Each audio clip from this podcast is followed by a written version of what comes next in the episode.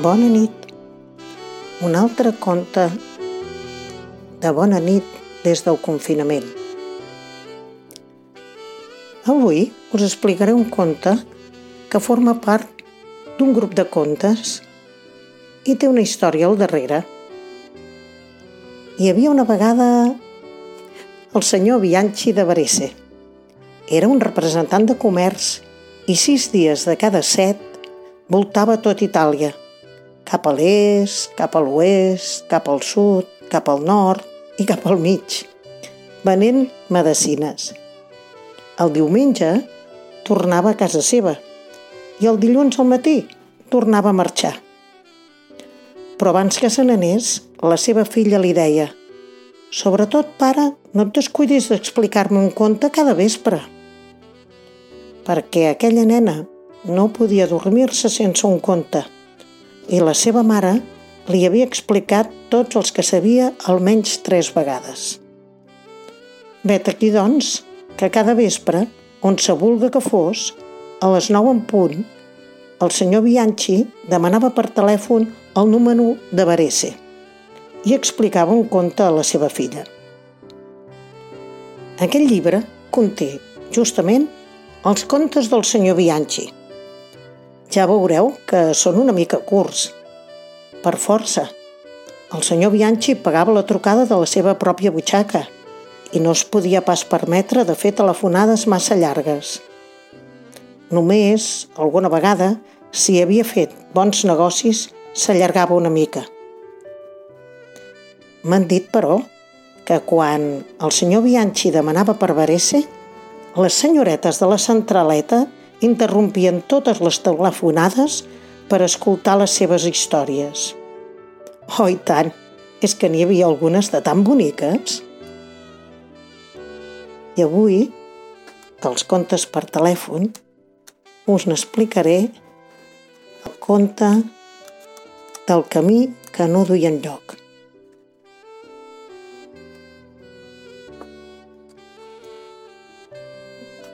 De la sortida del poble naixien tres camins.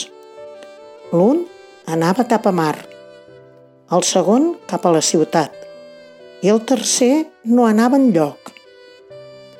En Martí ho sabia perquè ho havia preguntat a tothom i de tothom havia rebut la mateixa resposta. Aquest camí no porta enlloc. És... I fins on arriba? No arriba lloc. Però aleshores per què l'han fet? No l'ha fet ningú, sempre hi ha estat. Però ningú no ha anat a veure mai on mena? Ets una mica massa caparrut.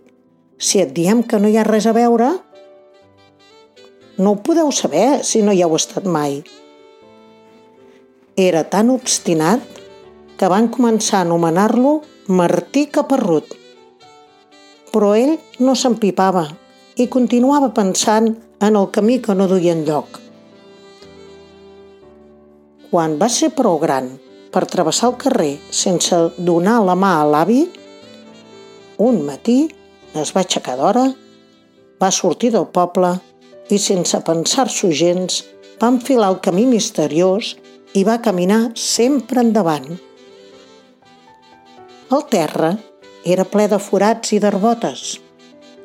Però per sort feia temps que no plovia, de manera que no hi havia bassals. A dreta i esquerra hi havia unes mates, però ben aviat van començar els boscos. Les branques dels arbres s'entrecreuaven per sobre del camí i formaven un túnel fosc i fresc en el qual penetrava només de tant en tant un raig de sol com si fos un fanal.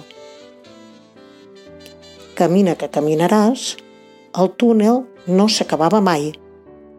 El camí no s'acabava mai i en Martí li feien mal als peus i ja començava a pensar que hauria fet bé de tornar-se'n enrere quan va veure un gos.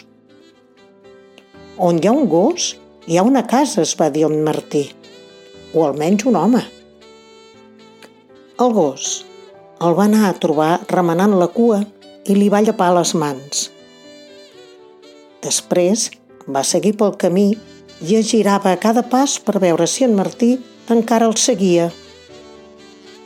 Ja vinc, ja vinc, deia el Martí, picat per la curiositat. Finalment, el bosc va començar a esclarissar-se. A dalt de tot va reaparèixer el cel i el camí va acabar a la llinda d'una gran reixa de ferro. A través dels barrots, en Martí va veure un castell amb totes les portes i les finestres esbatanades. I el fum sortia de totes les xamaneies.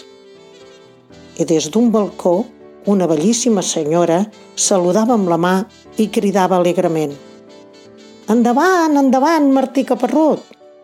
Veus? es va felicitar en Martí. Jo no ho sabia que havia d'arribar aquí, però ella sí.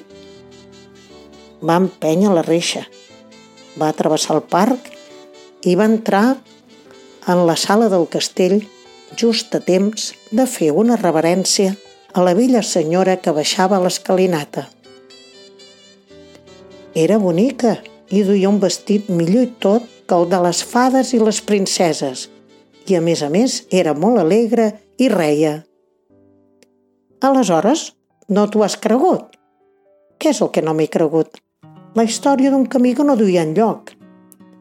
Era massa estúpida i a mi em sembla que hi ha més llocs que no pas camins per anar-hi. Certament, només cal tenir ganes de moure's. Ara vine que t'enseny castell. Hi havia més de cent sales, corulles de tresors de tota mena, com aquells castells dels contes on dormen les velles encantades o en què els ogres amunteguen les seves riqueses.